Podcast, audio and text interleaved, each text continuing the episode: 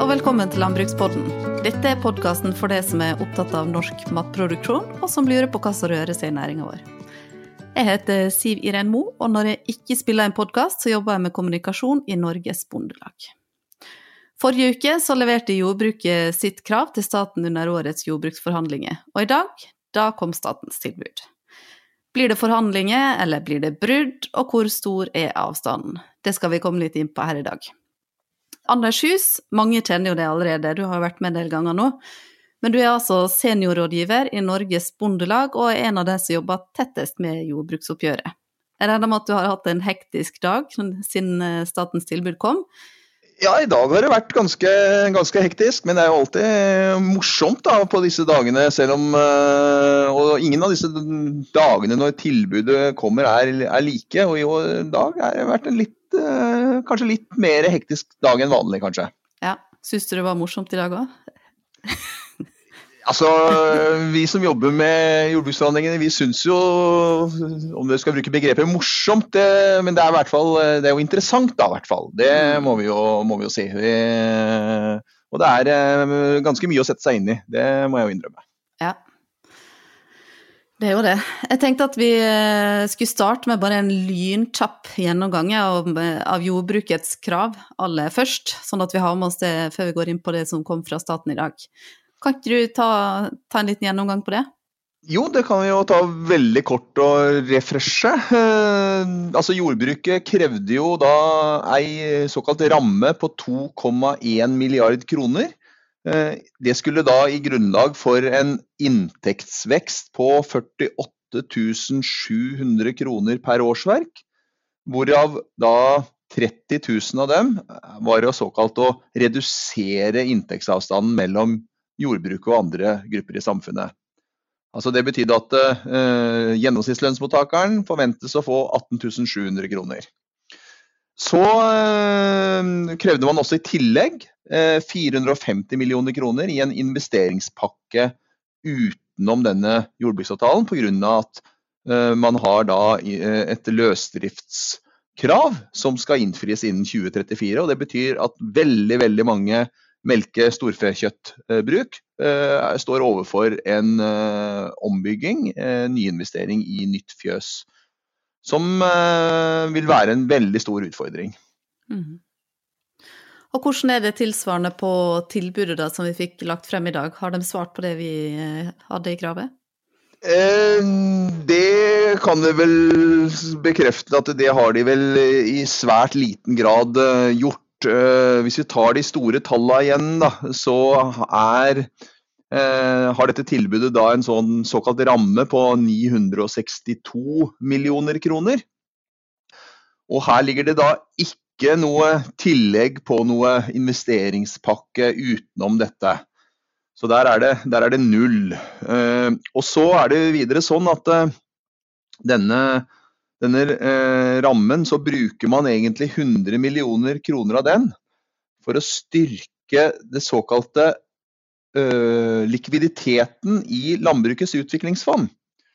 Og Det betyr at de 100 millioner kronene, det er 100 millioner som aldri eh, Eller som ikke vil komme til utbetaling til bøndene. Nei. Så når du skal regne eh, en inntektseffekt av dette eh, tilbudet, så må du trekke fra 100 millioner i realiteten, og da, da kommer man til at den, den inntektseffekten av, effekten av dette tilbudet da maksimalt kan bli 17 500 kroner per årsverk. Ja. Og det tallet kan du da sammenligne med disse 48 700 kronene som jordbruket krevde. Mm. Da ser vi jo da at her er det jo da en, eh, en inntektsavstand på over 30 000 kroner per årsverk. Og vi ser også da at uh, dette tilbudet vil da øke inntektsavstanden mellom jordbruket, som allerede ligger lavt inntektsmessig, mm. og gjennomsnittslønnsmottakeren med, med 1200 kroner per årsverk. Og Sånn sett så svarer jo ikke dette tilbudet da opp det Stortinget har eh, vedtatt, nemlig at inntektsavstanden til, eh, mellom bønder og lønnsmottakere den skal reduseres. Så Det er, eh, er, jo en veldig krevende utgangsposisjon. Eh, som staten her har, har presentert for, for bøndene. Ja. Hva tenker du om det, da? Nei, jeg tenker det at uh, Her uh, er avstanden målt på dette punktet kanskje større enn noen gang. altså, det er jo ganske mange som har kritisert dette kravet for å være lavt. men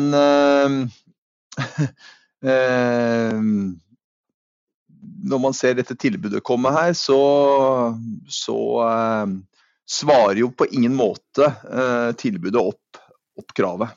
Ja. Kanskje du kan si litt om det, fordi at du nevnte det at eh, mange som mente at uh, kravet var lavt.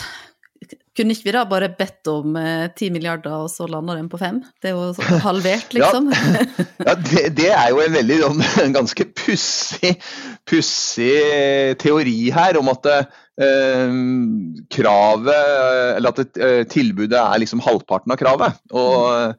ut fra en sånn teori så skulle man jo da krevd nærmest uendelig og, og fått da et mye bedre tilbud.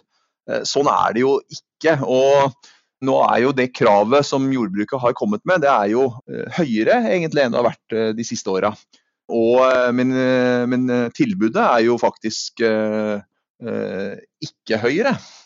Eh, sånn at eh, sånn som jeg ser det, så er jo avstanden i forhold til inntektskravet her, den er jo større enn på veldig veldig mange år. Jeg klarer ikke å huske at det har vært så stor avstand på, på dette punktet. Og Det er jo dette punktet som har vært løfta aller mest fram, og det er jo den hovedprioriteringa fra jordbrukets side, nemlig å få til et skikkelig inntektsløft. Og Det er jo dette, rundt dette punktet også, som forventningene har vært store. Så jeg, jeg, tror nok det er veldig, veldig, veldig mange eh, bønder som er utrolig skuffa over det de har fått presentert fra staten i dag tror jeg du har helt rett i. Jeg styrer jo også sosiale medier for Norges Bondelag, og jeg ser det helt klart på det vi får noen kommentarer og meldinger her. Ja, akkurat.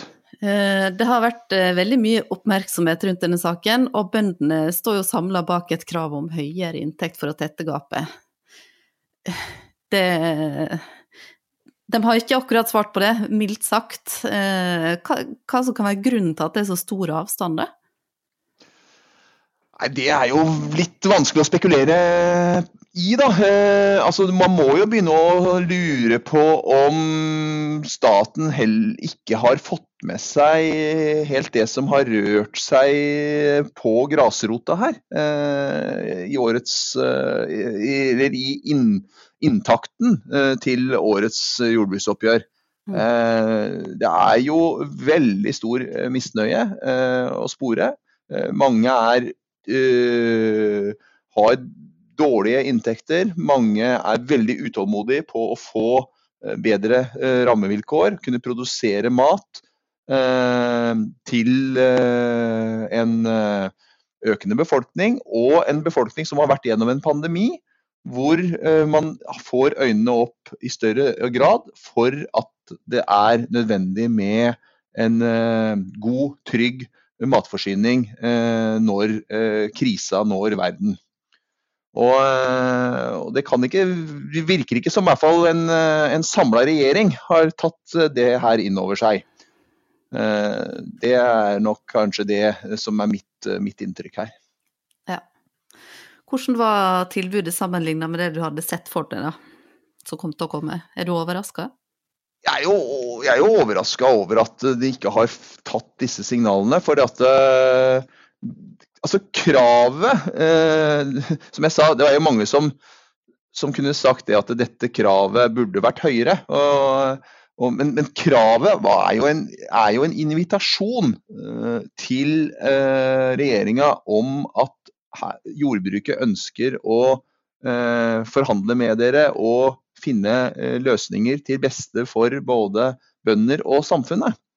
Men det virker som at den ballen har ja, det de, de virker som de bommer litt på den ballen med det, med det tilbudet her. Så jeg, jeg er nok eh, skuffa, og, og, jeg hadde nok forventa at eh, de hadde kommet med et høyere tall og hadde større invitasjon til å finne løsninger.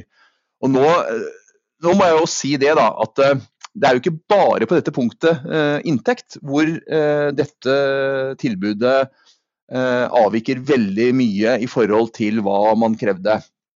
Eh, det er jo tre andre punkter som er eh, veldig viktig å ha med i så måte. Det ene som jeg snakka om, var dette med investeringsvirkemidler og løsdriftskrav.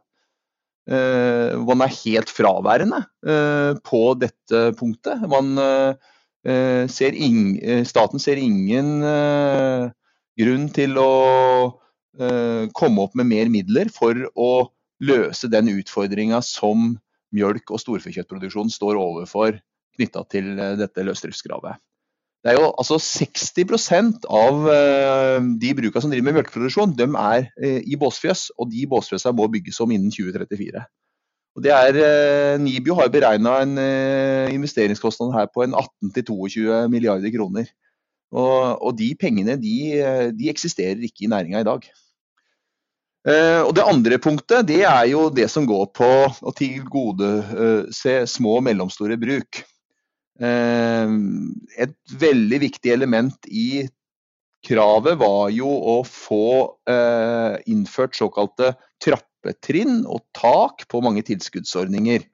Dvs. Si, gi mer tilskudd for de første enhetene, slik at man styrker i større grad små og mellomstore bruk. Dette her har jo staten blankt avvist, og har ingen grep hvor de da i realiteten eh, imøtekommer jordbruket på dette punktet i det hele tatt. Og Det tredje det går på kvoteordningen for melk. Og der eh, er det jo sånn at eh, i kravet så lå det inne forslag, mange forslag, om å få økt andelen eid kvote og få ned kvoteprisene. Kvoteprisene er jo en svær kostnad for norske melkeprodusenter. Uh, og uh, her har altså staten overhodet ikke kommet med noen, noen uh, imøtekommelser på noen av disse punktene. Og det gjør nok at man er, er, nok litt sånn matt over at man ikke har svart opp noen av disse prioriteringene. Og Det fjerde punktet, det, det er et punkt til også, som er viktig, og det er velferdsordningene. Ja. Velferdsordningene er jo veldig viktige for uh, mange bønder, og særlig unge bønder, særlig kvinner. Uh, det å kunne ha en ordna forhold knytta til ferie, fritid, sykdom, svangerskap osv. Og her har altså da staten valgt å bare øke eh, ferie- og fritidssatsene med litt over 2% Det betyr altså at det er mindre økning her enn den generelle lønnsveksten. Så en realsvekking av ordninga. Og når det gjelder det som går på sykdom, svangerskap osv., så, videre, så foreslår de å ikke endre noe som helst. Altså en klar realsvekkelse av den, eh, den ordninga. Ja. Og Det er jo, er jo også kjedelig, eh, når dette var et av de prioriterte områdene fra jordbrukets side. Mm. Det er vel ikke akkurat gull for rekrutteringa til landbruket her?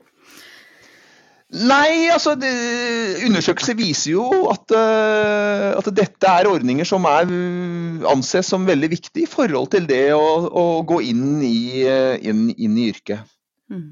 Og det skjønner jeg jo veldig godt. Det er klart at uh, mange har eh, interesser av å kunne ha, leve et normalt, ganske så normalt liv som andre i samfunnet. Følge opp på eh, fritidsaktiviteter osv. her. Eh, kunne koble av, kunne ta seg fri fra, fra gården. Ikke mm. jobbe eh, 200% hver eneste dag osv. Og, så og, og, ha disse mulighetene. Og når man da velger å, å svekke de ordningene som er, er, er gode ordninger, så, så, bidrar jo ikke det positivt på rekrutteringssida av deg. Nei, Du pleier jo egentlig å være ganske positiv, Anders, men ja, i dag jeg gjør I dag så var ikke meningen å være så depressiv, jeg håper ikke det, da. Nei da, men det, det, er vel jeg vet ikke, Det høres ikke ut som det er så mye å rope hurra for, da, for å, for å være helt ærlig. Nei, altså øh, skal man, øh, skal man, trekke fram noe positivt, så, så, er det jo det at uh, staten følger jo da jordbruket i forhold til å dekke opp for kostnadsvekst i det rammeoppsettet de har. Så mm. der, der er, de, er, de, på. Og så har de også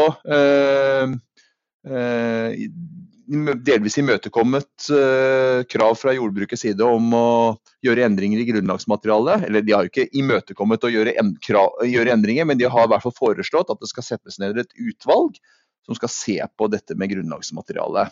Ja. Uh, så det er i hvert fall en, eh, en innrømmelse om at uh, det kan være klokt å, å, gå inn i dette grunnlagsmaterialet ja.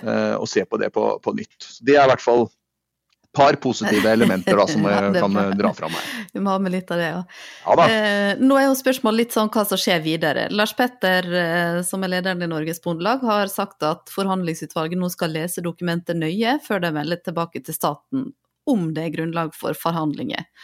Og da er det jo eh, sikkert en del der ute som lurer på om det i det eh, hele tatt er vits i å bruke tid på dette. Ja, Det er det jo selvfølgelig. Eh, altså, eh, staten eh, har eh, kommet med et dokument på 166 sider. Og eh, det er klart det at eh, man skylder selvfølgelig motparten å, å sette seg grundig inn i et, i et tilbud. Man skylder alle å sette seg grundig inn i situasjonen og gjøre alle nødvendige vurderinger om det er muligheter på den ene eller andre siden. Altså det å, å, å, å ta en avgjørelse, enten den avgjørelsen heter brudd eller forhandlinger, sånn nærmest over bordet, det er både useriøst og uklokt, vil jeg, vil jeg si. Mm. Det, er, det, er grunn, det er ikke noe grunn for å forhaste viktige beslutninger. Eh, så her, eh, av respekt for eh, både forhandlingsutvalget, som du sa, Lars Petter som leder det, mm. respekt for, for, motparten og av respekt for forhandlingsinstituttet, så, så skal man uh, bruke den tida man trenger for å vurdere et, uh, et tilbud.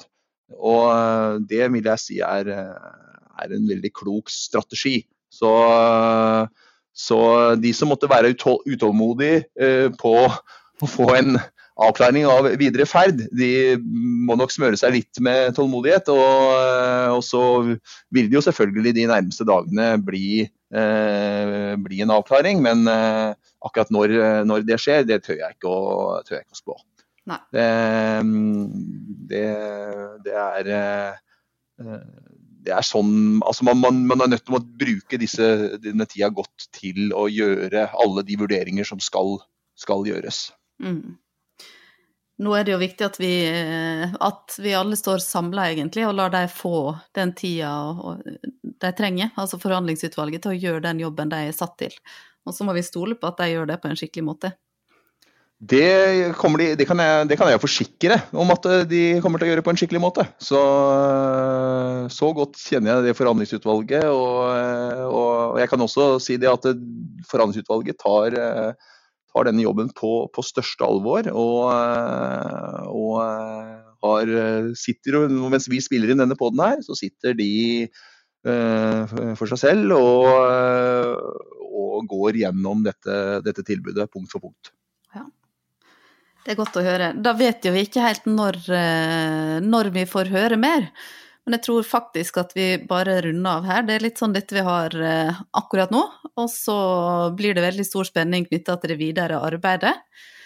Takk for at du kunne være med her i dag, Anders, selv om du har en hektisk dag. Jo, bare hyggelig. Så eh, får jeg uh, håpe at dere som er bønder der ute, bruker dagene godt ute på, ute på jordet og får får fram eh, god, god, avling. Det trenger man i hvert fall. Ja. Og så eh, til dere som lurer på hva som skjer videre, da, så tenker jeg at det er viktig at dere følger med på bondelag.no og på Norges Bondelag sin Facebook-side, for der eh, legger vi ut løpende oppdateringer så snart vi vet noe mer. Så er podden tilbake om litt. Nøyaktig dato vet vi ikke helt, for det avhenger litt av eh, løpet videre nå. Men da håper jeg at du henger med da også. Jeg heter Siv Iren Mo, og du har hørt på Landbrukspodden, en podkast fra Norges Bondelag. Vi høres!